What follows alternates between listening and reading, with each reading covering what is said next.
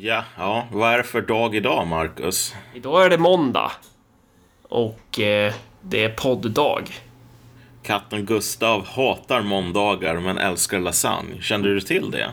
Eh, ja, det, det har jag hört. När, när, Ja. när vi har tagit över världen eh, och vi ska ha såna här obehagliga förhör med politiska fiender, då ska man bara ställa såna där frågor. Exakt, ja, precis. Ja, och eh, ja, vad händer egentligen liksom när John Arbuckle lämnar lasagnen på bordet och så vidare och så vidare. Ehm, och sen om man svarar fel på det, ja då blir det väl, då åker man till Kumla. Nej, nej, men det, det ska ju inte bli nå- några konsekvenser. Det är ju bara eviga förhör med jättekonstiga frågor. Ja, Eh. fast du vet, jag tänkte mer så här. Det finns något, jag kommer ihåg när jag var i Kumla, de hade något så här jättebra fik med jättegoda räkmackor. Så det är alltid det som jag tänker på snarare än fängelset. Eh, det, jag, jag trodde du menade just själva fängelset. Ja, nej, nej, jag förknippar alltid Kumla med räkmackor. Ja, jag förknippar, förknippar det med extrem fylla. Man kommer alltid ihåg hur man kom dit, men man har ingen aning om hur, hur man kom hem. Och så har man bara så här frekvenser från, man typ står och skriker så här ÖSK-ramsor på tåget, typ helt hemskt. Hemsk människa har man varit. Eh, odräglig och betett sig. Eh, vad ska vi prata, vi ska prata om eh, vi ställde oss ju den frågan nu inför det här avsnittet, för vi pratade lite löst igår. Och det är som vanligt så eh, blir det ju som man tänker, ja nu ska jag ringa Malcolm och sen så fastnar man i det här samtalet några timmar. Och eh, det var ju ett bra samtal igår, men det är ju inte inspelat. Nej, nej men precis. Alltså, man kan ju inte hålla på och spela in våran hemliga korrespondens och Nej, precis, men, men det känns som att vi tangerar någon form av eventuellt poddämne. Ja. Eh, och det kan ju vara så att vi har uppfattat det vi ska prata om som no, väldigt olikt. Nej, nej, jag, alltså du och jag, vi håller ju på att diskutera lite grann det här med hur man ska förstå sin egen politiska uppgift och, och, och du använder ordet så här, ja men typ vad är det som är något sånt där citat revolutionärt parti idag? Och det roliga här är ju att när folk hör det ordet då tänker de ju oftast på eh, folk i vänstern med så näsringar som skanderar om att ah, vi ska avskaffa kapitalism och alla ska dela på samma tandborste och då kommer allting att bli bra av någon anledning. Ja, varför inte kollektivisera jordbruket medan man ändå håller på? Eller, eller bara väldigt fulla Marcus Allards på tåget mellan Kumla och Örebro för tio år sedan. Typ. Ja, men Ehm, precis. att- Ja, att vi måste ha en revolution, kamrater. Och det är ju det som gör att så fort du och jag pratar, så, så fort man ska dra en referens till någon form av ja, men, marxistisk modell eller något liknande så måste man nästan ursäkta sig först för att det har blivit så associerat med det här cringe, det här pinsamma. Ehm, så att, för, för, för det som vi pratade om var ju, ja men precis, vad är det som gör eh, en revolutionär politisk rörelse idag revolutionär? Och vad betyder det? Ehm, och då men, du, du och jag eftersträvar ju inte liksom någonstans att ha en liten sekt som ska planera för en väpnad revolution. Det är ju inte, Ja. vad, det är inte vad vi är intresserade av. Um, Nordiska motståndsrörelsen betecknar ju sig som revolutionära. Eh, revolutionära fronten betecknade sig som revolutionära Ung Vänster betecknar sig... De, de, de skriver väl fortfarande i principprogrammet att de är revolutionära. Ja, alltså den intressanta saken, och här är ju liksom den fulla Marcus Allard på tåget från Kumla liksom Ja. lite grann relevant för tio år sedan. För en grej, du vet, när man blir äldre med åren och allt det där och liksom döden kommer närmare och ditten och datten. En sak som man inser över tid är ju typ att Speciellt när man interagerar med folk som fortfarande är en del av vänstern. Att, att de mer dogmatiska, de kan ju vara någorlunda intelligenta många gånger. Men, men de är alltid dogmatiska på den här punkten att vet du vad, vi behöver en revolution. Och nu för tiden när jag hör något sådant tänker jag bara, men vilka är vi? Vem talar du för? För om det vore så att den stora folkflertalet sa, ja vet du vad, jag håller helt med, vi behöver verkligen en revolution. Jag menar, då skulle ju inte du vara en totalt isolerad jävla nörd. Nej. Så problemet här blir ju på något plan att när man uttrycker det här önskemålet så sticker man alltid under stol med att ja, men det är typ folk som i, i den positionen som den här vänstern är, det vill säga du vet hoppat av juridikstudierna eller fullgjort juridikstudierna och inte fått ett bra jobb. Ja, nu jävlar grabbar, alltså kapitalet är så himla hemskt. På grund av att jag tjänar, jag har inte råd med en lägenhet i, i liksom centrala Stockholm. Det är därför vi måste krossa kapitalismen. Och så är det ingen som hoppar på tåget så. För att det här är ju, det är inte deras krig. Medans i jämförelse så ser vi ju idag hur jag menar, trots att du och jag blir anklagade för att vara någon sån här, ja, vi vill typ återkollektivisera jordbruket och så här, Marcus Allard, han är en Lenin och en Stalin så. Mm. Och, och, så finns... och Mussolini på samma gång. Ja, ja men precis. Han älskar kommunism och fascism. Ja, just det. Men trots det så, så märker man ju hur man inte längre är i den här positionen att man ska på grund av att man är full och 20 år gammal. Ja, ah, vet du vad, nu jävlar, vi behöver en våldsam mm. omkullkastning av samhället because reasons. Mm. Utan vad vi ser idag är ju mycket mer av en... Liksom, ta det här begreppet transferiatet till exempel. Mm i, i min värld så är det mycket närmare det som kan, man kan kalla revolutionärt på ett bra sätt. I och med att det här försöker, klumpigt kanske, men det försöker i alla fall att sätta namn, sätta ord på en motsättning i samhället som faktiskt människor som inte är sådana här jävla näsringsrevolutionärer mm. bryr sig om.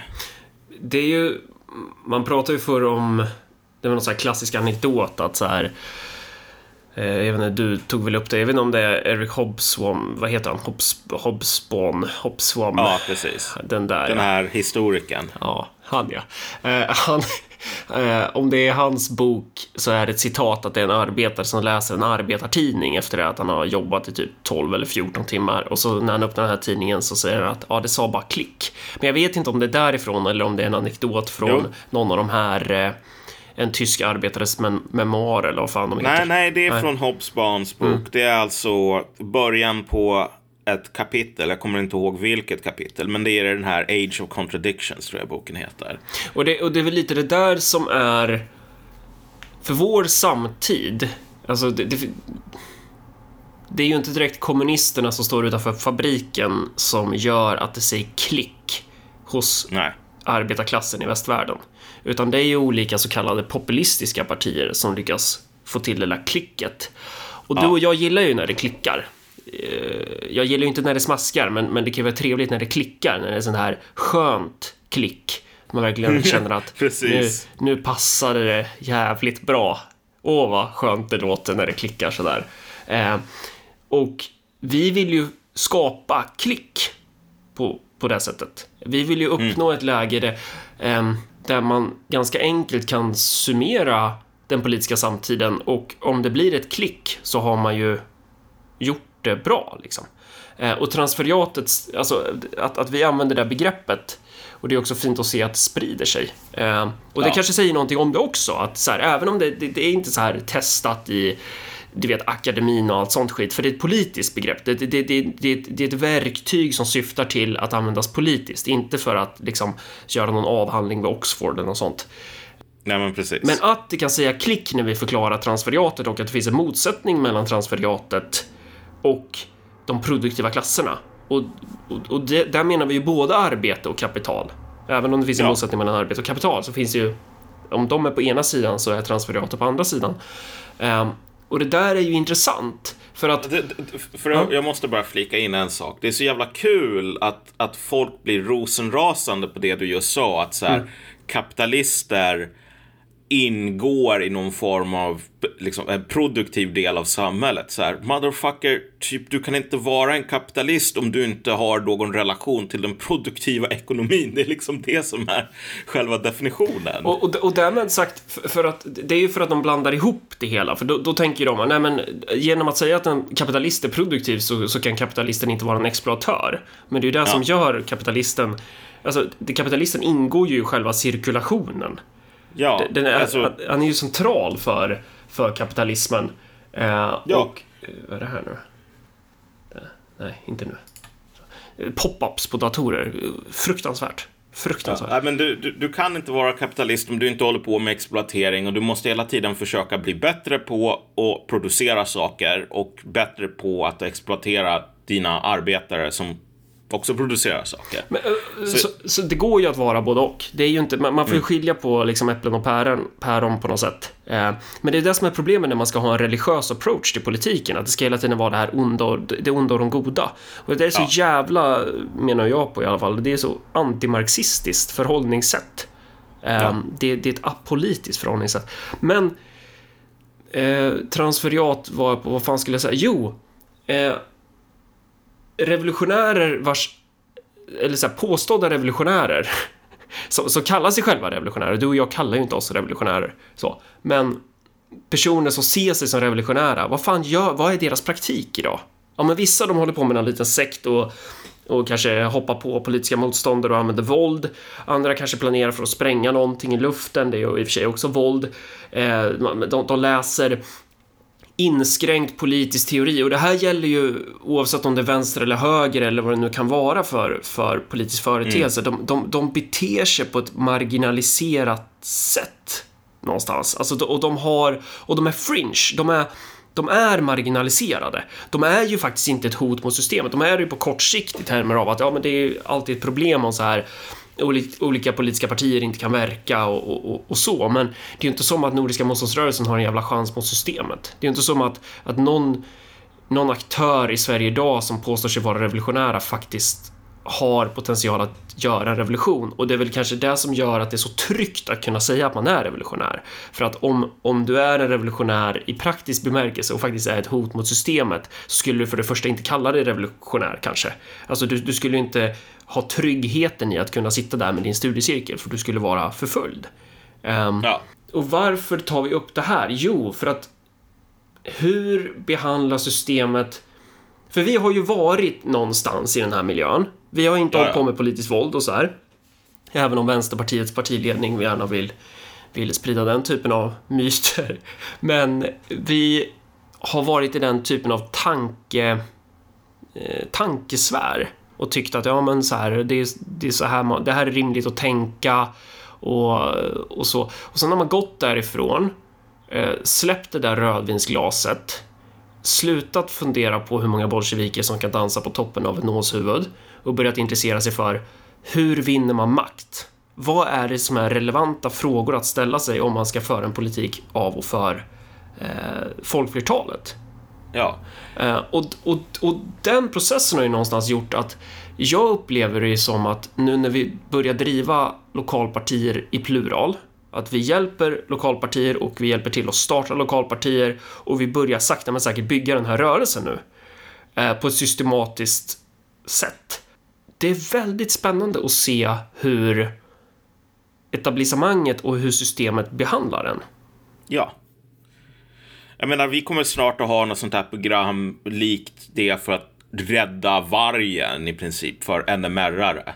Därför att NMR-are, de är en del av den lokala naturen och de måste skyddas. Och av, sen finns det en politisk grej här också, vilket är att om alla NMR-are flyttar till Kanarieöarna, vem fan skulle man då tala om varje gång det är en jävla attack på typ judar i Malmö? Ja, precis. Vem, vem ska vi skylla på då? Det går ju inte. ja, exakt. Det blir jättejobbigt. Mm. Uh, så att därför måste de, måste de här NMR-arna ha sina korvgrillningspatruller eller vad det nu är i, i, i Värmland sådär. Nej men precis, den, den mekaniken finns ju där att de, de fyller ju en funktion så. Um, ja. de, de är en del av vår, av vår politiska fauna. Ja, men, men, men överlag med, med så här, politik när man är 20 år. Och det här, du och jag var extremt mycket skyldiga till det här. Men vi fan inte ensamma om det, utan så här är alla jävla 20-åringar i princip. Det är ju allt det här med politik, revolution, whatever, det perfekta libertarianska samhället, you name it, så här, till höger eller till vänster. Det, det är något extremt självupptaget det är att man vill tvinga in samhället i en viss form för att typ man själv inte får knulla eller någonting sådant. Det är så här extremt självcentrerade anledningar som man sen målar upp på liksom, resten av världen som ska dansa efter ens pipa. Ja, fast det där är också väldigt raljant. Eh, nu sparkar jag in en öppen dörr här. Men, men det, jag, tror att det är naturligt att man hamnar i den här typen av, av syn på världen för att Även, även om vissa kanske landar i, i en slutsats att ah, vi behöver göra en revolution och omstöpa samhället på det här och det här sättet så är det inte jättelångt bort från de här liksom slutna systemanalyserna som du lärde i ungdomsförbunden. Och jag tror mm. att en, en grej när du är ny i politiken, att politik är sjukt stort. Det tar aldrig mm. slut. Eh, och det är väldigt svårt att på ett sätt är det väldigt lätt att greppa, men på annat sätt är det också väldigt omfattande. Och det som den här typen av narrativ och berättelser och analyser erbjuder är ju liksom hermetiskt eh, slutna tankesystem. Du kan, du, du, alltså det är ju det som är så bekvämt. Okej, okay, jag, jag, håller med om att jag kan ja. vara lite raljant här, för, för det, om jag får moderera mig lite grann så skulle jag väl säga att det är inte nödvändigtvis så att bara för att du är 22 år och håller på med politik, att du behöver göra det av helt självcentrerade skäl. Att du är liksom solsystemets mitt här och alla andra ska cirkla kring dig. Men om det inte finns några kanaler för dig att lära dig alternativet till det.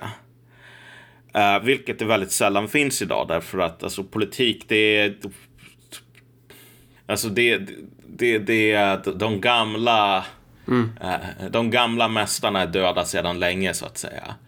Så att du kommer in, du vet inte vad du håller på med och så blir det det här att du väljer mellan olika sådana liksom, färdiga paketerade lösningar som säger att du har rätt och alla andra har fel. Men ju äldre du blir, desto mer inser ju du att vad det handlar om är ju inte dina egna behov som ska tvingas på resten av samhället, utan det handlar om samhällets behov, om andra människors behov. Du, du är en tjänare snarare än en befälhavare. Och det har ju inte med ålder att göra, för många människor sitter på ålders höst. Nej, ja. utan det handlar om level, XP. Ja. Eh, Okej, okay. det har jag, håller jag med om. Eh, men det är så man mäter ålder i, i WoW. Eh, Ja, exakt. En karaktär som är level 60 borde ju rimligtvis vara äldre än en karaktär. Det är ju också jättefel. Jag hoppas ingen RP-nörd hör det här nu. Men, men eh, vad, eh, ja, nej men precis. Så, att, så, att, så, så, det är ju en nybörjargrej någonstans. Alltså det är bekvämt att tänka så någonstans mm. på vägen. Och det är också förståeligt med tanke på att det är ju svårt att... Alltså vad, vad finns det för typ av arena att, använda, att, att vara politisk i? Och det är där som vi, man, man har börjat se nu när lokalparti efter lokalparti etablerar sig i kommun efter kommun. Det är ju inte så att vi har hela Sverige än, men sakta men säkert bit för bit. Så de människorna som vi bygger de här partierna med, de är, den absoluta majoriteten, kanske 90 procent, har ju aldrig varit politiskt aktiva. Mm. De, de har inget CV av att ha gjort en massa pubertal radikala saker eller uttalanden tidigare. De behöver inte skämmas för det, utan de kommer in och de kommer inte in för att de vill se den perfekta formen tagen från Platons idévärld. Ska, ska vi ta den perfekta politiska formen typ och sen försöka efterkonstruera den här? Utan de kommer in för att de måste komma in. De ser hur sina kommuner, oftast i glesbygd då, trasas samman och, mm. och att det liksom är... De här lokala partitopparna är korrupta. Och de är korrupta på ett sätt som... Det är så jävla uppenbart, men det finns ingen inom media som kommer skriva om det här. För att de är... Nej. De är ju förbund med de lokala journalisterna, med de lokala medierna. Och det här är ju någonting som bubblar upp som kommer fram i tö, så att säga. Att det, är liksom, det går inte att gömma det hur länge som helst. Och, och, och, det är väl det som vi börjar se i Sverige, att det här börjar upp, uppenbara sig mer och mer. Och då blir det en mycket mer naturlig ingång att bli politiskt aktiv. Eh, och, och då helt plötsligt så blir då blir man ju ett hot mot systemet på ett annat sätt än om man hade suttit och haft en leninistisk studiecirkel. Alltså att, att, att bygga ett parti där du säger nej, nu ska vi sluta fiffla med pengar i överförmyndarnämnden. Vi ska sluta stjäla pengar från handikappade så att någon, någon sosse-topp kan tjäna pengar på det. Eh, vi, vi, ska försöka göra rätt för oss istället. Alltså det där, det där är ju systemhotande. Att gå in och titta på en budget och säga vi behöver stärka äldreomsorgen och skolan. Var finns det pengar? Ja, men här, titta. Jag har 500 kommunala chefer som kostar i snitt en miljon styck per år. Vi Ja. klipper dem. Vi, vi rensar. De andra partierna kommer inte göra det för att de står i förbund med de här cheferna och för att de har internaliserat en ideologi om att man gör inte så. Man, man, man kan gå in och man ser att vi, vi, vi, vi sprutar ut skattemedel på kromade äppelskrutt och allt vad fan det är. Nu ska de eh, uppföra konst längs med någon gata här så att de, de tänker att då kommer män, människor cykla oftare. För det är en massa konst då som man bygger. Så, så att det, den typen av mentalitet kan du göra ett brott mot, eller med. Eh, du, du, du kan avbryta det här sättet att tänka på när du kommer in som en smutsig arbetare som bara vill att skattebetalarna ska förvaltas rätt.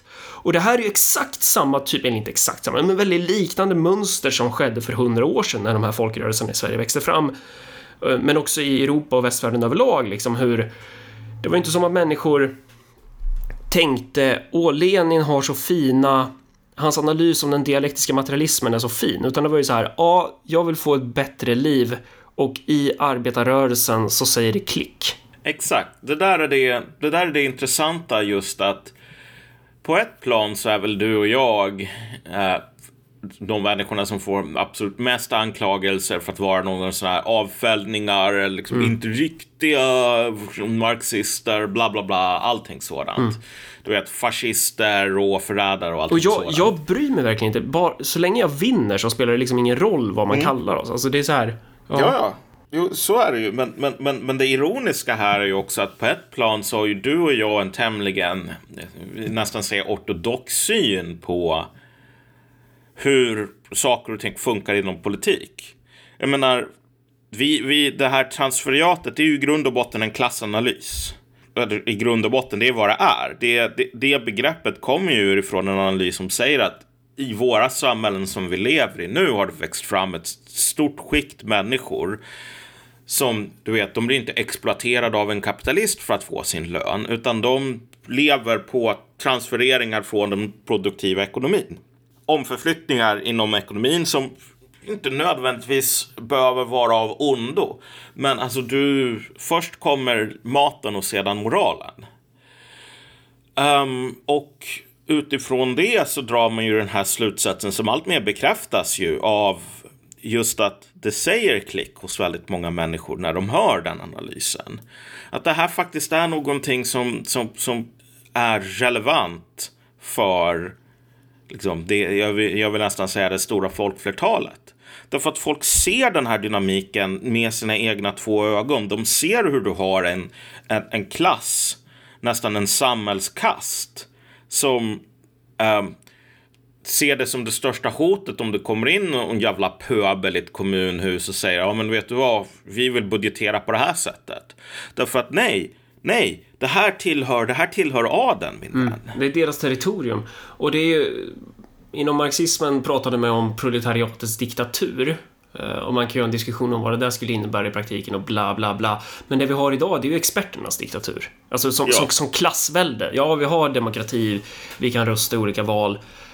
Men vilken klass är det egentligen som utgör de politiska partierna och deras tjänstemän och de tjänstemän som anställs av dessa tjänstemän och dessa politiker?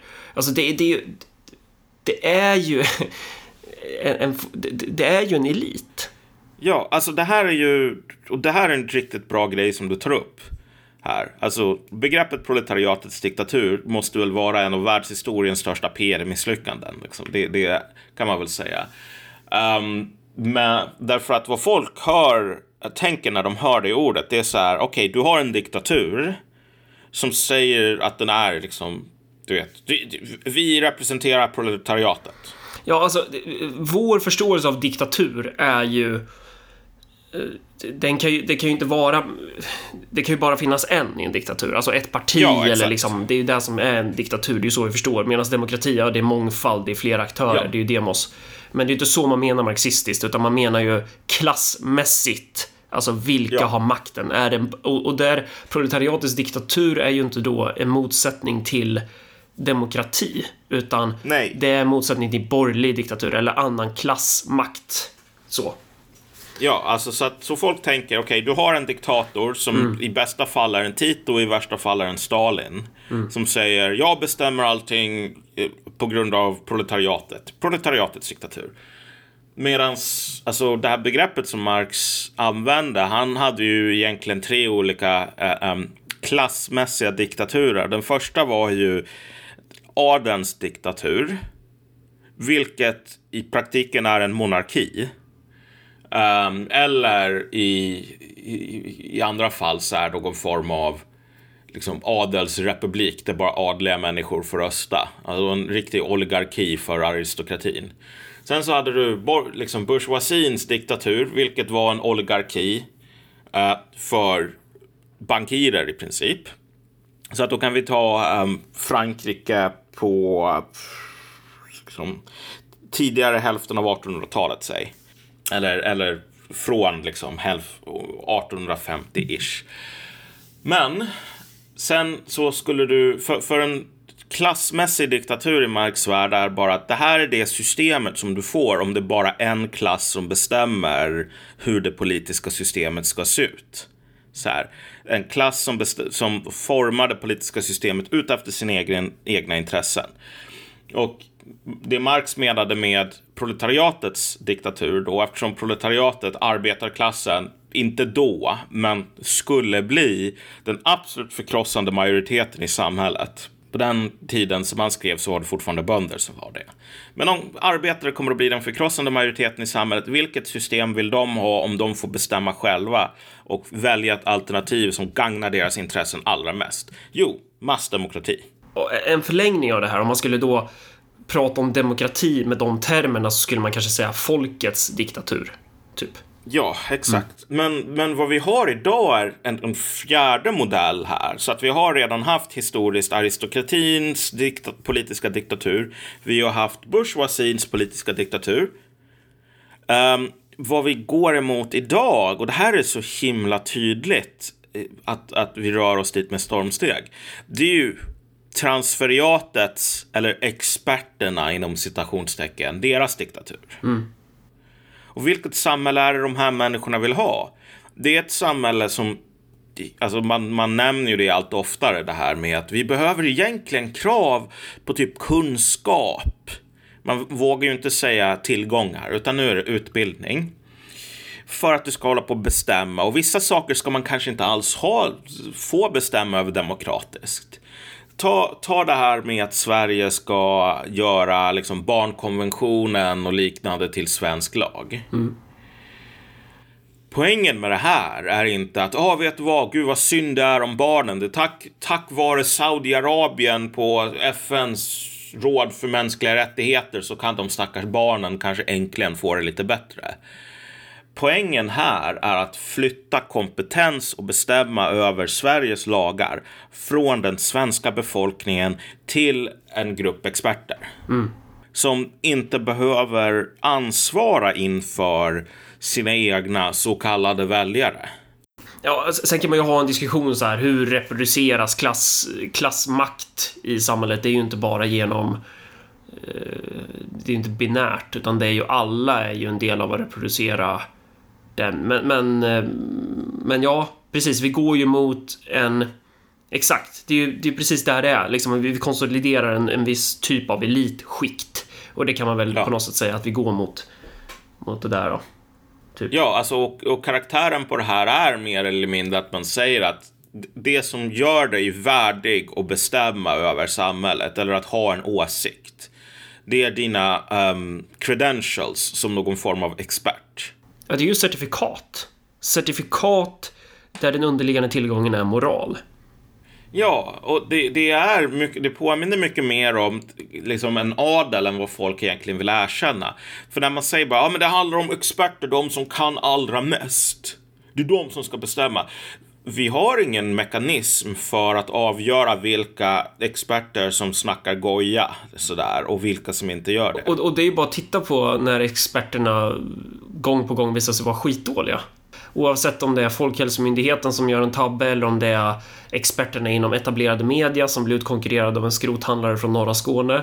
Eller om det är eh, en professor vid Örebro universitet som konstaterar att det du och jag pratar om just nu, det är ren högerpopulism. Att, Ja. att, så här, det, det här, de här experterna är ett gäng jävla klåpare. Och de, de har den här jävla glorian eh, Ja. för att de ger den till varandra. Ja, exakt. Och om det vore så, om, om man vore ärlig med äh, det här snacket som hela tiden går om att ja, men det handlar bara om att smartaste och mest lämpade person ska styra så att det inte är massor med klåpare. Jag menar, då skulle man vara extremt intresserad av att så här, jag vet inte, hänga folk som fuckar upp gång på gång på gång från en lyktstolpe sådär. Att då är det verkligen en jävla Conan barbaren, den starkaste vinner. Så är det inte. Du, du, så länge som du har ett sånt här adelsbrev, vilket det de facto är. Du kan göra vad du vill. Du kan ha fel hur många gånger som helst i princip. Det enda som händer är kanske att du inte blir inbjuden till tv-sofforna lika ofta. Men du kommer aldrig någonsin att tappa din rösträtt i egenskap av expert. Och de här idioterna inom högern, såväl i USA som i Sverige, som säger att Black Lives Matter är en så kallad marxistisk organisation. De tänker ju någonstans att Black Lives Matter är typ systemhotande då, eller? Alltså för, för, för Black Lives Matter, de är ju, och den typen av rörelser, de är ju inkorporerade i det här klassprojektet. De är ju en, de är ju en komponent i regimen, någonstans. Ja, alltså men det där är ju bara ett tecken på stora delar av den här knökhögern, kälkborgerlighetens enorma intellektuella svaghet.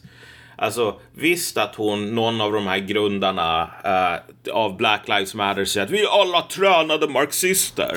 Trained Marxist. Ja, då tänker jag bara, okej, tränade av vilka då? FBI eller? Uh, men det, vore, det är fan inte omöjligt att det är FBI som har tränat dem givet vad de håller på med sådär. Men, men hur som. Det här, du, du, du, du klamrar dig fast vid just begreppet marxist.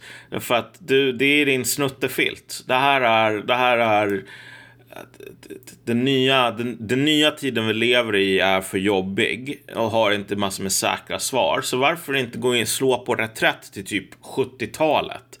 Där allting var så mycket enklare och där vi redan visste hur världen funkar. Och du vet Reagan och Thatcher och bla bla bla. Allting kommer att bli så himla bra. Om man bara följer Reagan och Thatcher. Nu är båda de döda. Där man slipper prata om eh, liksom svenska barn som får kiss i munnen och blir våldtagna. Eh, Där man kan Ja, prata men om det är också en del av marxismen. Ja. Det är också en del av marxismen. precis. för att du vet, ja. det- Ja. Marx, han, han tyckte att så här, man skulle vara arg på folk som hade saker. Och det är de här också. Och, och typ att man skulle hata dem som det gick bra för. Och du vet, det går bra för svenskar och det går dåligt för invandrare. Så därför väljer vänstern invandrare över svenskar. Det är liksom så här. Hodor! Det- det- Liksom om du bytte ut din analys mot att bara skrika Hodor. Din analys skulle inte bli sämre. Det är det lite här. som de här typ... eh, Det, var, det finns väl så här anekdoter, typ ett gäng porrstjärnor som inte har investerat så mycket i aktier ska tävla mot ett gäng så här hedgefondförvaltare och porrstjärnorna vinner typ i hur mycket avkastning de kan göra på börsen. Att det är... Eh, att, att bara säga Hodor är... Du kommer träffa bättre med din analys. Ja, exakt. Men, men eh, vad tänkte jag? Åter till det här då med, med just transferiatets diktatur, eller liksom klassmakt. Att det, jag, det känns som man börjar känna konturerna av någonting här när, när så här, lokala medier attackerar en Alltså helt ursinnigt. Alltså de attackerar människor som inte har varit politiskt aktiva alls. Eh, bara för att de typ har kontakt med mig. Bara för att de känner lukten av att så här, eh, citat, nu är det missnöjespartier på gång. Att de eh, förstår att det här är ju ett hot mot status quo. Att de här kanske menar allvar, typ. Jo, men, men jag tänkte bara för att, för att förstärka ditt exempel här. Så här visst att de går på de här um, lokalpartierna otroligt hårt som, som fascister och banditer och allting sådant. eh, för att de har kontakt med dig. Men tänk bara hur, hur de går på dig också så här. Han Lars Ströman i Närkes Allehanda som skriker Marcus trollar med siffrorna som en hemsk populist. Ja, fast vadå? Det du säger och det som de här människorna hatar, det är ju inte att rösta på mig, jag kommer att gräva fram 20 miljarder till att köpa glass åt Örebros ungar. Jag vet inte var de ska komma från, men du vet, kapitalet. Där du säger så här, jag tycker att vi flyttar pengar ifrån det här kulturkvarteret, säg, till äldrevården.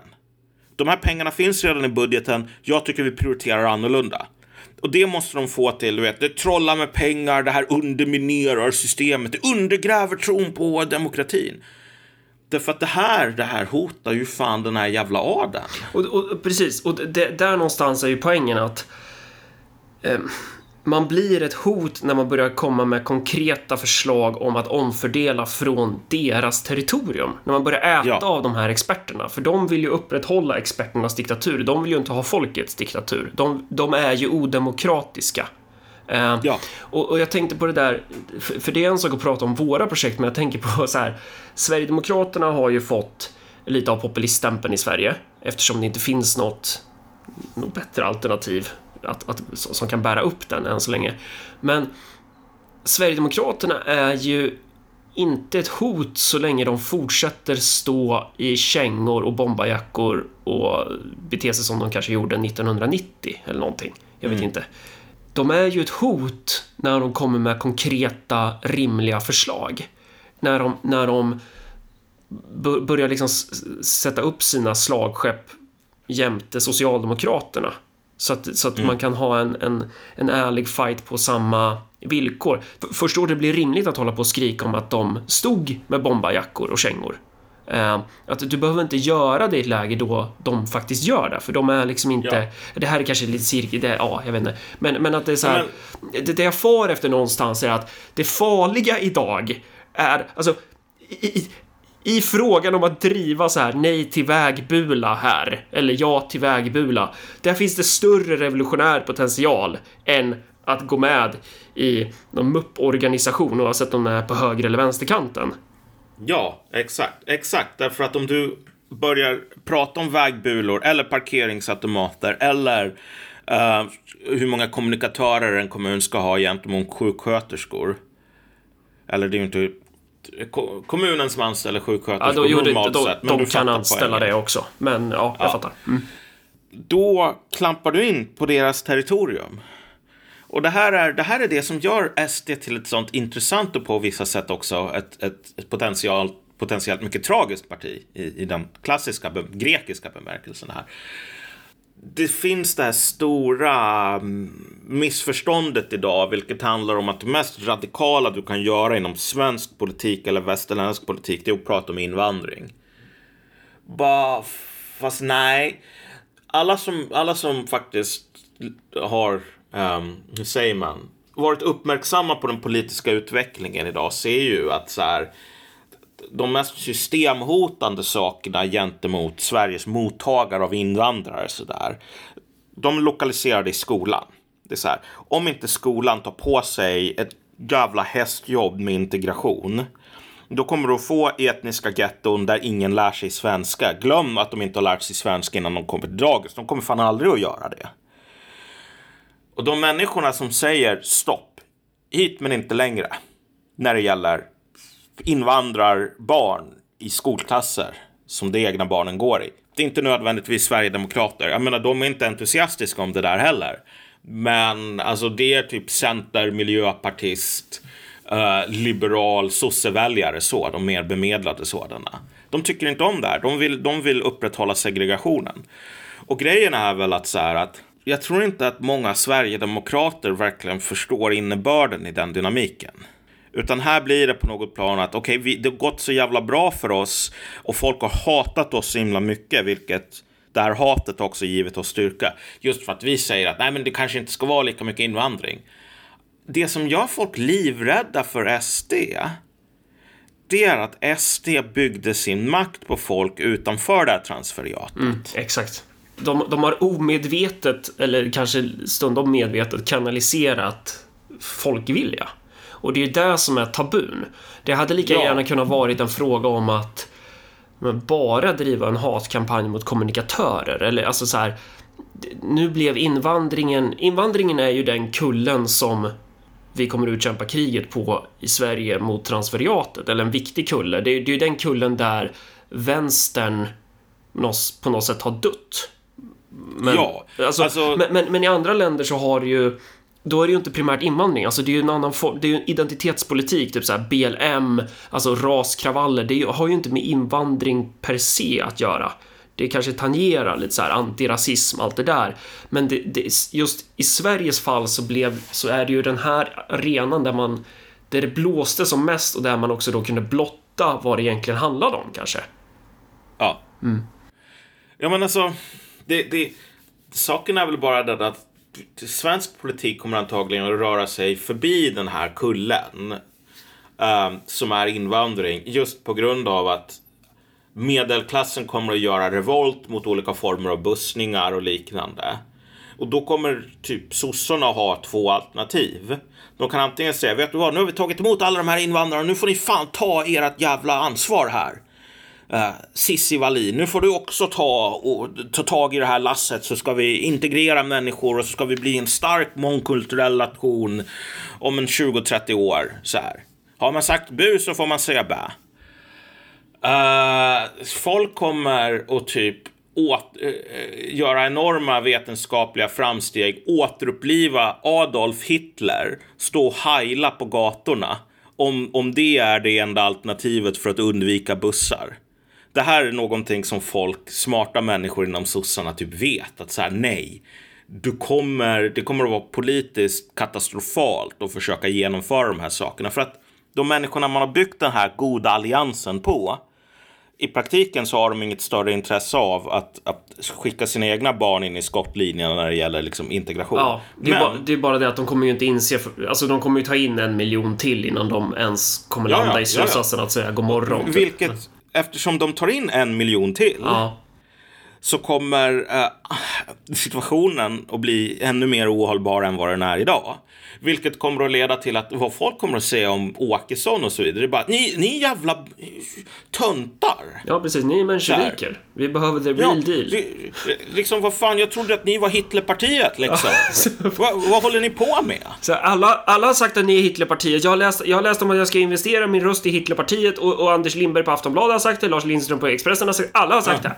Men Och så kommer Jimmy Åkesson att stå där och bara, ja fast du vet jag har spenderat de senaste 20 åren på att poängtera att jag inte är Hitler och vill man ha ett Hitlerparti då ska man inte rösta Jo, på jo, oss. jo, jo men jag, läst, jag läste ju att det är precis så ett Hitlerparti säger. Och det, och det är ju Ja. därför, det är därför jag nu röstade på er. Ja, och, och, och här är grejen, spoiler alert som man säger. Men om de tror, om folk på allvar tror att SD är ett parti som säger vi är inte Hitler och så är de egentligen i något sådär mörkt bergsrum så är de Hitler.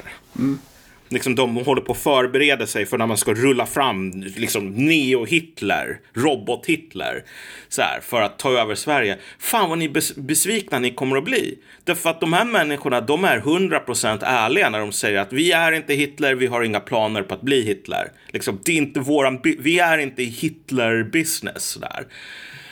Um, och återigen, som du säger, man tar in, kommer att ta in en miljon till och så kommer man att behöva citat hårda tag för att skydda medelklassen mot det här.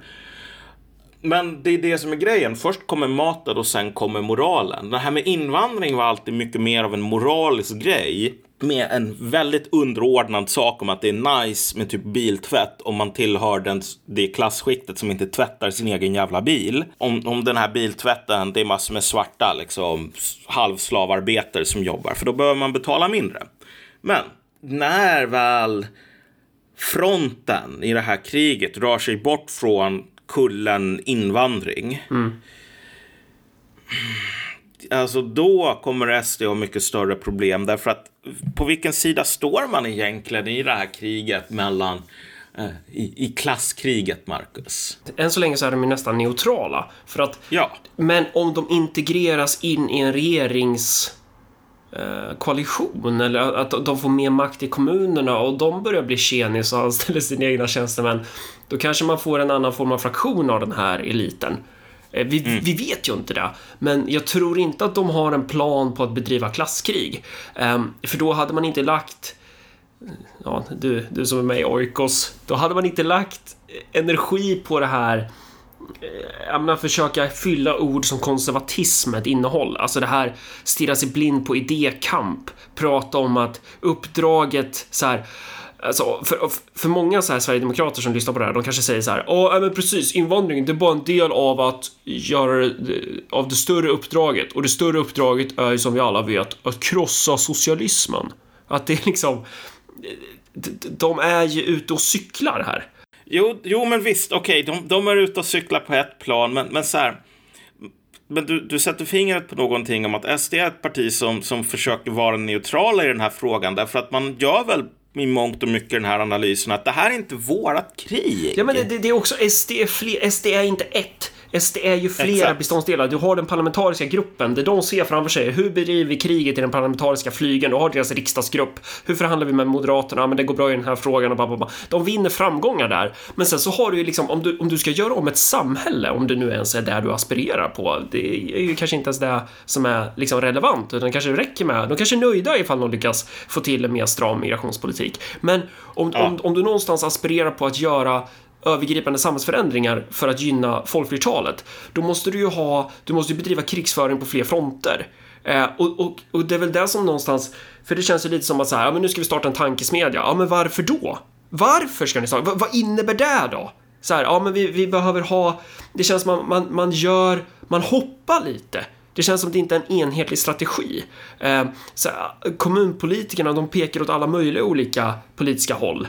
Kommer det där hålla när det väl börjar blåsa? Ja, och det är det som är det lite tragiska här, att på ett plan um, jag har inte någon jättestor kritik mot den, den, den världssynen som så att säga det, det SDs politiska projekt i någon mening grundas på, vilket är att det här är i slutändan invandringsfrågan är en, liksom, avgörande för nationens överlevnad och så vidare. Jag menar, det, alltså, det är ju sant så långt det går. Det, det är ju inte det som är problemet. Problemet är väl bara att om, om fronten rör sig vidare och de, de stora konflikterna som, som stora delar av SDs väljare faktiskt motiveras av. Om du tänker dig, liksom, du har en sån här kraken och så har du invandringen, en av dess tentakler, liksom, avslöjar sig okej, okay, när du väl hugger av den tentakeln, jag menar monstret finns fortfarande kvar och folk kommer fortfarande vilja slåss mot det och då behöver du en plan för för hela kraken och inte bara den, liksom, en av dess åtta tentakler. Så. Rent konkret, så det som gjorde folk så jävla rädda för SD, och på ett plan är de inte alls lika rädda för det partiet idag nu för tiden. Alltså det är den här, ja vet du vad, Hitler, nazismen, Jimmy Åkesson, need we say more. Alltså det där är ju otroligt proforma idag på ett plan. På ett sätt som det inte var på, på 2015, 2014. Mm. Fan, jag kommer ihåg valet typ 2012. Vilket val då? Nej, vad säger jag? 2010 menar jag. Det var väl då de kom in. Ja, ja det var det va? Ja, gud, det visar ju liksom... Här, här, professionalism. Ja, det är ju bara en politisk podd. Det är ju liksom... Det är detaljer. jo, men det, visst fan var det 2010 de kom in i riksdagen? Jo, det var det. Jo, det var det. För jag var, ja. jag var så himla upprörd. Den, den ja, ja, men exakt. Mm. Um, folk var så jävla upprörda. Sen liksom skulle jag gå och ta en öl 2014. Och när man kommer till Pipes of Scotland, Rip in Peace för övrigt, så här, i Uppsala på Sankt Olofsgatan och ska ta sig en jävla riktigt god hipsteröl. Då står alla och har någon jävla, um, vad heter det nu, liksom, någon vaka i princip. Mm -hmm. Och bara man pratar med folk. Bara, Nej, jag är så jävla ledsen för det här valresultatet. Mm. Jag bara tänker så här, ja, men liksom, varför berättar du det här för mig? Liksom, vi känner inte varandra så jävla väl och det är bara konstigt att folk känner att de kan hålla på och gråta offentligt över ett politiskt resultat. Det, alltså det, det, här är en anekdot med väldigt många hål i vad, vadå, du kommer till Pipes of Scotland, går du dit själv? Är, är det med ja, Nej, med en polare, med en ja. polare. Och då, kommer, och, då, och, men... och då står det människor och håller en... Alltså det jag ser framför mig, det är att de står i typ robes. Och, och de gör. Ja, nej. Ja, vi, vi kan lämna den här grejen. Nej, men folk tyckte bara att de hade att det var helt naturligt att man skulle prata med människor man knappt kände om. Åh, kolla vad hemskt det här valresultatet är. Fascisterna har vunnit. Åh, liksom och så här skitsura. Du, du vet eh, så som det är när man är full och man går in på eh, på toaletten, bland, alltså på, på männens ja. toalett. Man, fan säger man? Manstoaletten? Heter det så? Man, ja. Manliga toaletter. Ja. Ja, ja. Eh, Whatever. Ja. Eh, där, är ju, där känner ju alla varandra. Efter en viss tid så är det ju helt legitimt att prata med varandra. Um, ja, ja, exakt. Och, och det var, alltså Sverige gick ju in i en kollektiv pissoaranda. Efter, ja, exakt. Ja. Det var det jag menade. Så. Mm, mm, För det är ju, Sverige, det är ju ett land där så här, typ, det, det är någon form av enormt fapä. Sätta sig bredvid en annan människa på bussen om du vet bussen inte är helt jävla full. Uh, medan som du är i Iran, då bara okej, okay, det finns en person på bussen, man kliver på bussen, ja då sätter man sig bredvid den andra personen och börjar snacka liksom. Så att ja, det finns olika kulturer, men vi gick in i den här väldigt abnormala, liksom att vem som helst kan prata med vem som helst. Och så är det bara antagandet om att vi kan alla hålla på och snacka om, ja, du vet hur hemskt det är att SD har vunnit. Alltså det där var, det där var ju någonting mer genuint, den rädslan idag när folk bara, ja, vad ska jag skriva krönika om den här gången på Aftonbladet? Ja, men skriv att Jimmy Åkesson är hemsk. Så ja, det är inte, det är inte ens ett skämt. Det är så här, ja. Det... Men, men det som verkligen gjorde folk ja, riktigt rädda på den tiden, alltså det invandring kanske var skälet som många uppgav. Men i slutändan var det just det att pöbeln kommer in. Mm. Pöbeln, du vet om de får bestämma i en kommun eller i en region eller i Rosenbad. De kommer att knäcka så jävla många risskålar. Jag vet inte om det är felaktigt påstående, men det känns som att i och med SDs intåg och i och med typ populismens, eller ja, den så kallade populismens framgångar i Europa så har det då nästan blivit ännu viktigare för etablissemangspartierna att hålla den så kallade pöben utanför. Eh, ja. Att, att det då det blir dygdigt att köra över folket. Det är dygdigt att kolla. Kolla! Kolla när jag Det är så här, så här äckliga, rika människor som typ så här, ska vaska champagne bara för att visa att de har pengar. Eh, att, att, så här, det, bara beteendet att vaska borde ju vara det borde ju vara nackskott, liksom. Oavsett vad man vaskar för något. Om det är skattemedel eller om det är champagne. Vem fan vaskar grejer? Ja, hur som helst. Etablissemangspartierna, de vaskar.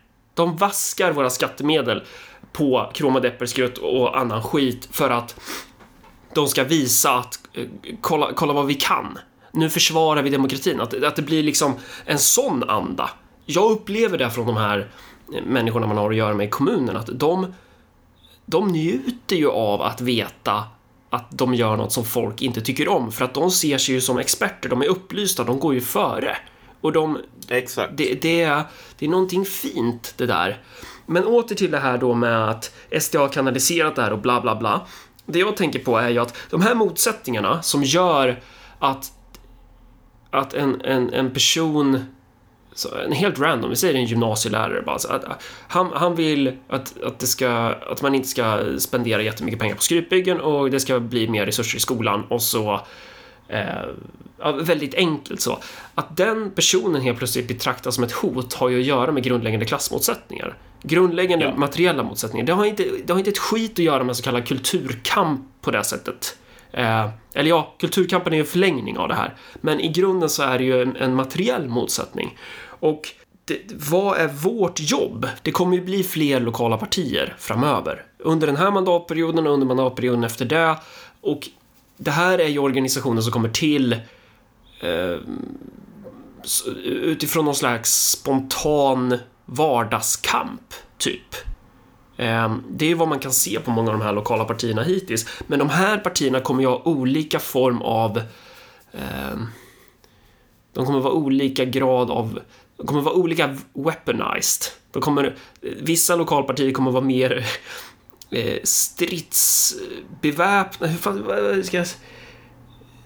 Vissa lokalpartier kommer fatta det här eh, mm. tekniken, metoden i hur du bedriver politisk kamp och de kommer förstå vilka som är fienden. Det kommer vara tydligare för dem jämfört med andra partier. Vissa lokalpartier, det ser man också idag, man kan, man kan, man kan skönja den här alltså skillnaden mellan lokalpartier, att du kan se, och det, både på regional och kommunal nivå, de här partierna som egentligen bara, de vill ju vara politiker som alla andra. Det är så här avhoppad sosse eller avhoppad moderat. De, ja, de vill ju gå till jobbet och tjäna samma feta kommunalrådsarvode som de alltid har gjort, bara det att de är mer trygga i ett eget projekt. Och sen så har de här andra varianterna som kommer in Alltså oberoende realister i Hagfors, av det jag har sett av dem hittills, så här, de, kommer, de kommer in från ingenstans, krossar valresultatet, vad fan får de? 36 procent.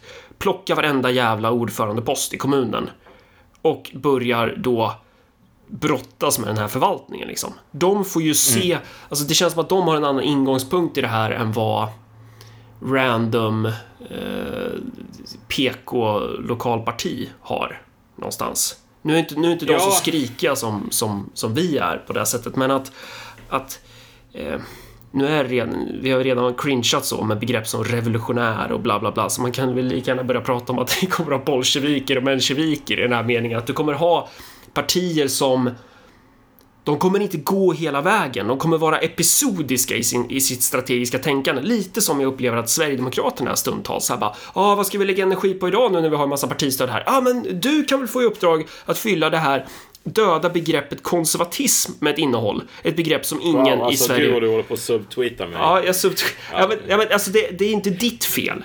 Eh, det, det, det, det, är inte ditt... ja, men precis. Men, men alltså det är ju... Det är ju en... Eh, så, som ett exempel, alltså det är ju, ingen vet ju vad det är i Sverige typ. Men det har blivit ett projekt för ett fåtal personer att fylla med innehåll. Det är liksom, det är waste, det är slöseri med resurser. Men det är ju ett resultat av att man har inte en helhetssyn på sin strategi eller att man har en dålig strategi skulle jag säga. Att det är episodiskt och på samma sätt kan du se hos lokalpartier så här bara okej okay, nu gjorde ni ett utspel här, varför gjorde ni det? Uh, vadå? Ja men ni, ni, sa, ni säger ju emot det själva, för tre veckor sedan så sa ni ju det här. Aha.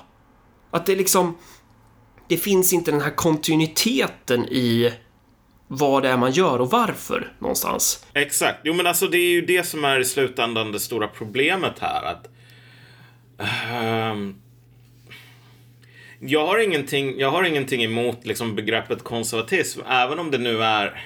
Det är ju det, det är en intressant dynamik där högern i USA, säg, håller på att överge det begreppet helt. Medan SD ska försöka återupptäcka det. Och det, det intressanta är att rent materiellt så försöker man nosa sig fram till ungefär samma position där med att överge det, här med att återupptäcka det. Vilket den smarta åskådaren borde ju tänka att ja, men då är det nog inte begreppet i sig som är det som styr utvecklingen. Mm. Utan liksom man försöker orientera sig i en helt nytt politiskt läge där de här gamla sanningarna om, om klass mm. och hur de beter sig, de gäller inte längre. Men, men går man inte tillräckligt långt här och försöker liksom vela, um, då kommer man förr eller senare man kommer alltid att ställas inför skarpa lägen inom politiken där du har, ja men du vet, de här konsulterna från PVC å ena sidan som kommunen anställt och kommunens skattebetalande uh, invånare å andra sidan. Och, och förr eller senare när den konflikten blir skarp nog så är det att du, du måste välja sida. Och ju mer du säger att ah, men vet du vad, det kanske inte är det här det skarpa läget här som är det riktigt viktiga. Desto mer är ju risken att du bara lurar dig själv för att du vet egentligen vad svaret är, vilken sida du kommer att välja och du vet att det är fel Precis, och, och, det märker man ju som en tendens från vissa lokalpartier som är så här, jo, jo, men vi är inte så där skrikiga och stridslystna som vi, utan vi är mycket mer alltså, strategiskt smarta. Och det där, någonstans ja. så finns det ju i, när man säger så, alltså det, visst, det kan ju vara så att det, man kanske inte behöver vara Alltså problemet med, med Örebropartiet är ju inte att vi står och skriker. Vi skulle kunna stå och skrika hur som helst och man skulle kunna tycka ah fan, ni är så härlig, exotiskt inslag. Det är så kul att ni håller på så här. Och sen så, hade, så länge vi skulle lagt en, ja men ungefär som Moderaterna gör med Socialdemokraterna, de flesta kommuner, att man är ungefär en halv promille ifrån i, i varje budget. Att det är liksom, man ligger ganska nära rent politiskt.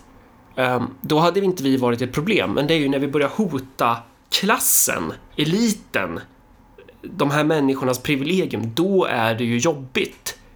Då är det ju ett problem. Ehm, och, och, att, att spontant vända sig emot retorik är ju kanske inte just retoriken man vänder sig emot, utan det man vänder sig emot är att man inte ska ta strid mot, mot det som egentligen är orsaken till varför man la ner Sollefteå BB från början, eller vad det nu kan vara Ja. för jävla exempel vi ska ta. Ja, exakt. Men det här med god ton och så vidare. Alla, alla borde ju förstå vid det här laget att, att angrepp på ens ton väldigt sällan handlar om just tonen i sig. Det här är bara ett, ett, politiskt, ett, ett verktyg i en politisk kamp.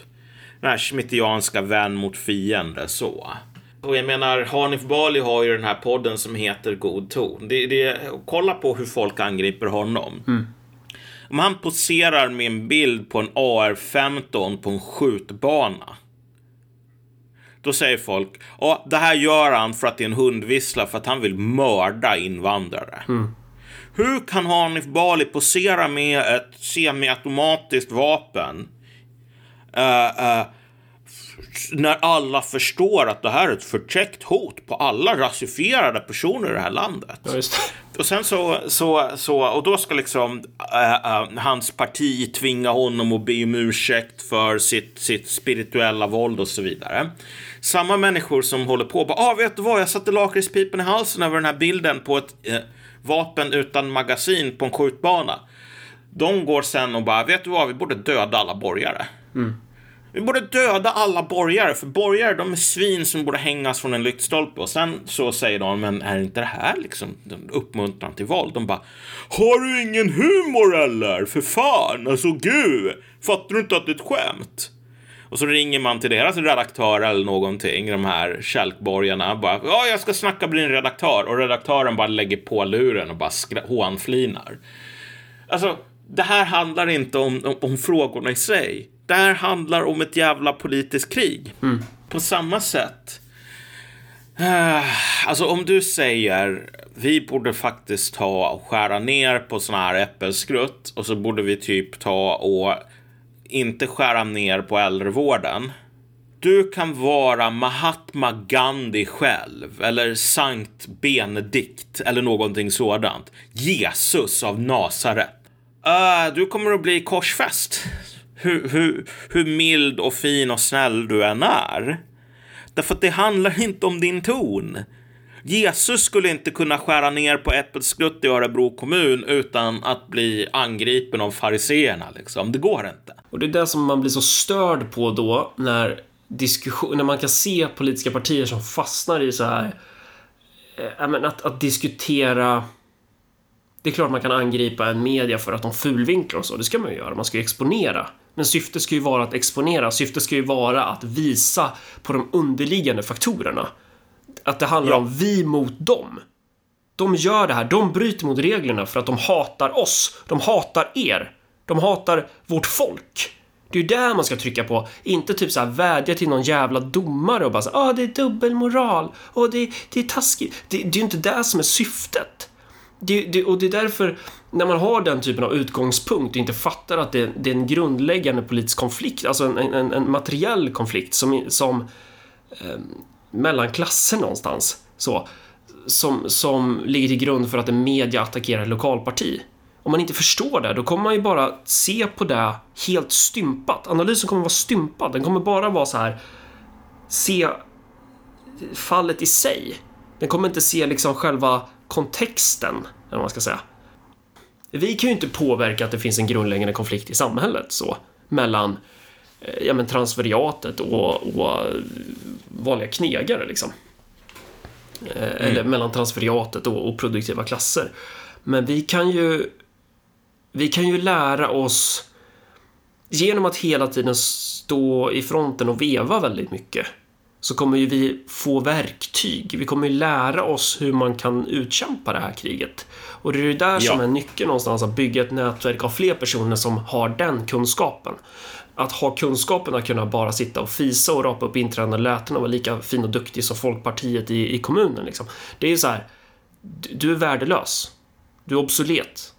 Men, men de här partierna som går längst fram och som vågar pusha det, de kommer ju förvärva XP i en högre takt som i sin tur kan, kan reproduceras till andra projekt. Och det där måste ju vara en uppgift. Så, så vi, vi, vi behöver... Var det Lenin som sa det? Att vi behöver omvandla det spontana till det... Eller... Nej, det är ju den här, det är ju... Äh, vi lär av historien. Ja, det är knuta nävar vi på, alltså. Mm. ja, vi på KFMLR, där L står för revolutionärerna, inser att det är kommunisters uppgift att leda, förvandla den spontana kampen hos arbetarklassen till en medveten revolutionär kamp för socialismen. Ja. Uh, ja, jo, exakt. Jo, men det är lite det det är alltså så här i slutändan. Men det är inte det där något så här led. Det måste ju vara något citat något. De kan ju inte ha kommit på det. Alltså det måste ju kommit någonstans ifrån. Någon urkund. De kan visst ha kommit på det Ja, själv. okej. Snacka inte skit om knutna nävar. De, de, de var bra på att formulera sig om inget annat. Men, men, men så här. Jag menar, det här är det som är det. Det, det är riktigt ironiskt. Ja, med, med våran situation idag, våran position inom politiken och så vidare. Att, jag menar, på, på ett plan så det går verkligen att skratta åt det här med förvandla den spontana kampen till en medveten organiserad kamp. Um, men, men det... En gång, i, en gång i tiden då tyckte man bara ah det här är så jävla rätt. Och sen så kom man in i en fas där man bara ah det här är bara liksom nonsens. Och nu är man väl, det är bara pinsamt. Och nu, nu är man tillbaks lite grann i att jo men det finns lite, det finns fortfarande en poäng. Det är ju typ som att när man läser de här grejerna igen så ser man det från ett annat perspektiv. Bara, men men, Ja. men så här, det de gjorde förr Idag kallas det populister, men förr så var det socialister och kommunister som, som såg som det stora hotet mot, mot de människorna som var organiserade i socialistiska och kommunistiska partier. Alltså, alltså det var så här, Ja, och, men de här, de här tidigare kommunisterna som verkade på 70-talet var ju... Det här var ju en utpräglad minoritetsfaktion. ja, ja, ja, ja, ja, jag menar för hundra år sedan. Alltså jag menar ja, ja, ja, då ja. Jo, men då, då var det ingen större skillnad När på... det var, ja men precis, när det inte var en schism. Man, man kan gå liksom innan, vi kan prata om, vi skiter i de begreppen, vi säger bara arbetarrörelsen. Alltså den, det, det, det finns ju, det, det var ju materiell kamp som drev dem. Det var ju så här, det, återigen, det var inte de tunga marxist-leninistiska alstrena som gjorde att människor i Petrograds fabriker organiserade sig, utan det var ju för att de fick varmare tevatten. Ja, eller som gjorde att de organiserade sig i, i Sveriges fabriker och varv runt om i landet. Så. Jag menar, det... Och, och, och det där har man suttit och rabblat. Och sen har man bara, "Ah, ja, nu orkar jag inte rabbla det här längre, nu, nu går vi till the real deal och så bygger vi partier och sen kommer man på, men vänta lite, det där vi rabblar, det är, för, det är ju typ det vi gör nu. Ja, alltså i, i grund och botten så är det ju så här att det finns en, för att låna från det här vi lär av historien, eh, eh, sången, liksom versen. Det finns en omedveten spontan kamp idag i samhället. Det är jättetydligt. Och det är en, en, en kamp mot det här transferiatet. Ja. Och folk, de gör inte det här för att de lyssnar på knutna nävar eller för att de liksom vill påtvinga andra och borsta tänderna med liksom en jävla kommunal tandborste. Utan för att de har, de ser hur samhället runt om dem håller på att sluta fungera. De slåss för en bättre morgondag, inte av idealism utan av egenintresse, vilket liksom, är den stora drivkraften inom politiken i slutändan. Eh, eh, och det är bra att det är så, ska, jag lägga, ska jag lägga till. Um, uh, och de behöver inte hålla på att påtvinga andra sina stora ideal som kommer att liksom gå i kras i verkligheten sådär. Utan deras ideal är i slutändan tämligen realistiska. Det är det så här, man måste knäcka um, den här utvecklingen som gör att vi har ett liksom, expertstyre som som, som är stolt över att det ignorerar vanliga människors preferenser och vanliga människors hopp och drömmar och så.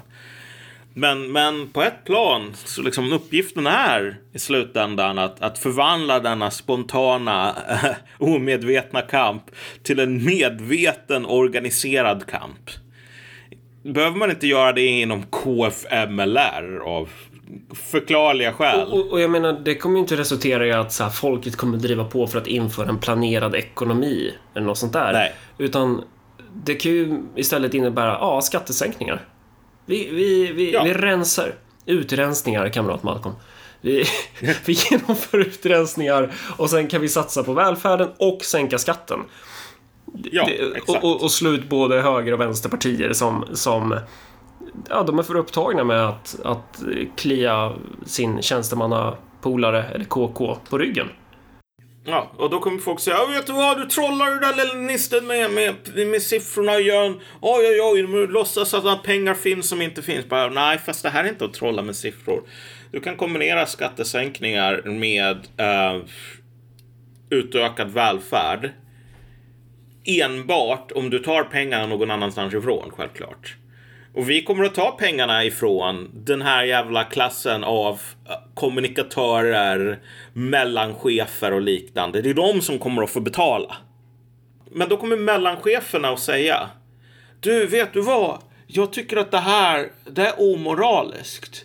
Ni är fascister. Det är inte så att jag är inte arg på er för att typ ni vill ta min lön och ge till en sjuksköterska. Jag är arg på grund av att det här var precis vad Hitler tyckte. Och det är bara, ja, jo visst.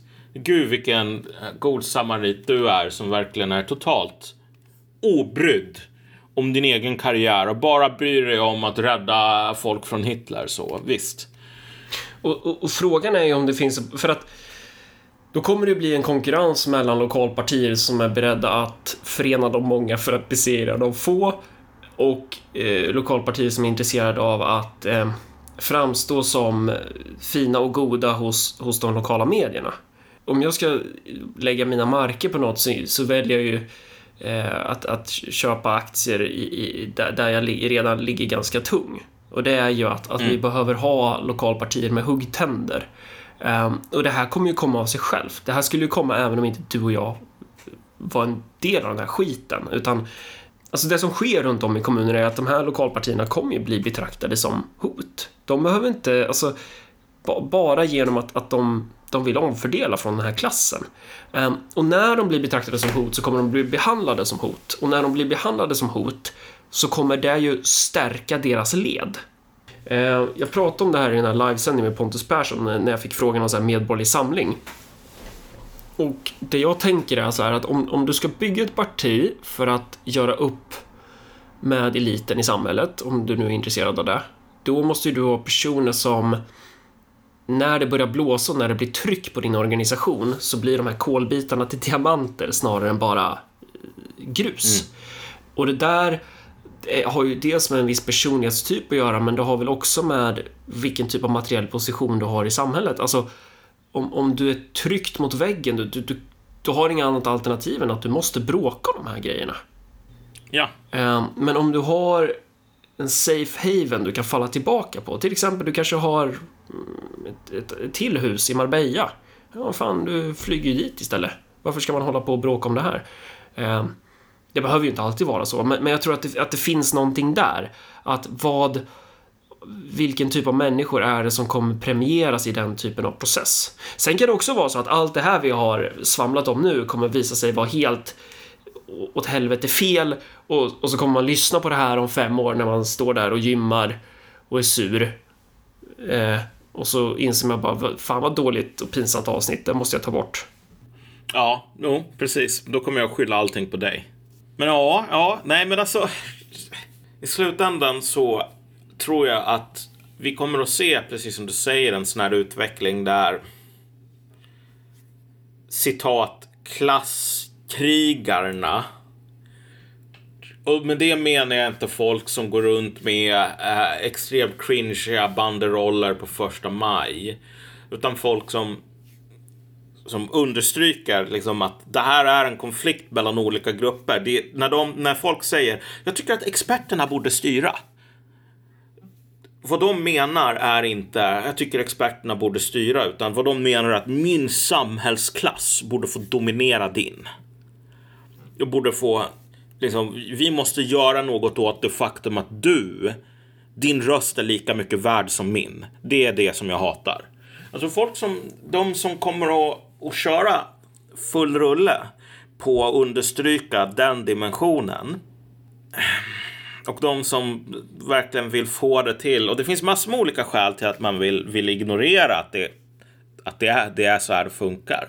Det kan vara för att man redan har ett parti och att ens väljargrupper och kadrer skulle gå i tur på mitten om man körde Exakt. liksom fullt ös medvetslös här. Och så kan det vara på grund av att nej, men alltså man, man tycker inte att sånt här verkar så himla kul och ha någon form av så här, måste vi hålla på och ha konflikter? Nej, precis. Politik, det skulle ju bara vara idédiskussion. Ja. Men lite grann oavsett så, eh, så kommer eh, förr eller senare att bli den här dynamiken, precis som du beskrev, mellan mensjeviker och bolsjeviker i någon mån. Mellan de som faktiskt um, omfamnar liksom, realiteten i den här konflikten och de som försöker fly från den. Ja. Jag menar, du och jag, vi vet på vilken sida vi står i, om det är det som är det som man slåss om. Jag, jag var ju lite inne och tangerade den poängen, men det, det är ganska värt att komma ihåg att så här, det som citat radikaliserar, om man nu ska använda det begreppet, det som vässar de här kadrerna, det, det är ju inte en process du kan skapa själv. Du kan inte skapa en process av att medvetandegöra individer i ditt parti om det inte finns en yttre faktor. Alltså det måste finnas ett yttre tryck på, på det är som när du bygger muskler. Du kan, du kan ju inte liksom bara hålla på, nu är det ingen som ser mig, men jag, men jag, men jag försöker simulera en skivstångsrörelse här i min skrivbordsstol. Jag kommer inte få muskler av det här. Jag måste ha en tyngd. Det måste göra ont i mina tuttar. Annars kommer det inte gå liksom. Och, och den här tyngden kommer ju vara de här korkade jävla journalisterna som kommer rycka ut och attackera partierna. De kommer ju tvinga de här kadrerna till att få muskler. Eller idiotiska partier som kommer göra så. Och det är kanske det som är grejen med de här partierna som kanske inte är lika stridsbenägna, att de har inte haft samma tryck på sig. Så det har inte funnits någon, någon anledning för dem att bygga de här musklerna. Exakt. Jo. Nej men, det, nej men precis, de har inte behövt göra det.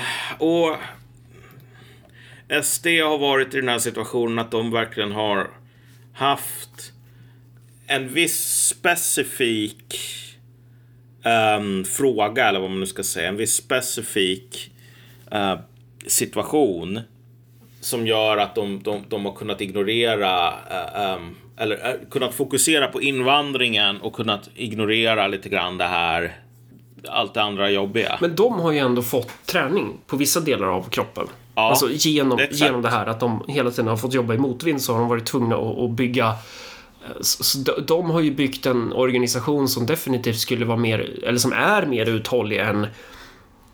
Tänk om du skulle utsätta ett parti som Liberalerna för samma storm. Alltså stackars människor, de hade ju trasat sönder, alltså de hade ju trasat sönder från... Ja, nej, alltså det, jag menar, jag vill inte vara, framstå som allt för kritisk här mot SD. Alltså de har en, de har en, en, en, en komplex situation får man väl säga. Och det, det är ju det som är, hur ska man säga, partiet är inte byggt för de här konflikterna och då blir liksom frågan, ja, men hur, hur, hur, kan man, hur mycket kan man bygga om om den konflikten verkligen blir ännu starkare? Och då finns det ju en viss potential som sagt, men jag tror att ja, den frågan är bara också i slutändan, vill man det? Kommer man att vilja göra det? Därför att jag menar, rent konkret, det här var ju ett problem med Moderaterna en gång i tiden, att de var lite grann så här slagna hundar i svensk politik. Och när de blev rumsrena på grund av att eh, så här, fronten i det politiska kriget rörde sig vidare, det var så en stor jävla lättnad. Eh, Man ska inte underskatta de subjektiva faktorerna här i slutändan. Alltså de, de finns både för stora partier och lokalpartier. Men det... Ja, nej. Ja, jag vet inte. Nej, vi, vi får se hur det blir. Har vi fått något sagt nu? Ja, det tror jag. Det, ja, nu är det som så att om du ska ladda upp i Dropboxen så vet inte jag vad som händer. Ja, men alltså det, Dropbox sparas på datorn, Marcus. Jag vet inte hur det här... Jävla Det här är... grottmänniska. Det här är magi. Man måste ha en speciell hatt på sig för att kunna hantera teknik som Dropbox och Google och sånt där. Jag tror inte att det här är eh, att det är så som experterna säger att det är. Jag tror att det är Nej, mycket mer... precis. Du, du är mer folklig. Ja, jag menar, min pappa var ju så. Han gick ju bort i valrörelsen 2018 tyvärr, men innan han gjorde det så kunde han ju komma med tips om att är här, om, om, om man inte fick in en kanal och så här, då var, alltså, så här, recepten man fick på lösning från farsan var ju typ Ja, men om du stänger av mikron. Så bara, Nej, det, det är inte det. det är, så känner jag mig nu med, med det här. Men Om man stänger av mikron. Ja, då, då kanske man får in rätt kanal på TV. Alltså, det är typ på den nivån. Eh, bara, "Äh, kan det vara ditt spel där uppe? Är det det som stör? Men, Ja. Ja, okej. Ja. ja, vad säger man ens om det, hör du? Ja, eh, ja vi, vi, vi skiter väl i det här nu va? Så, Ja. ja, så hörs vi av snart igen. Hej. Ja, det gör vi. Ha det bra.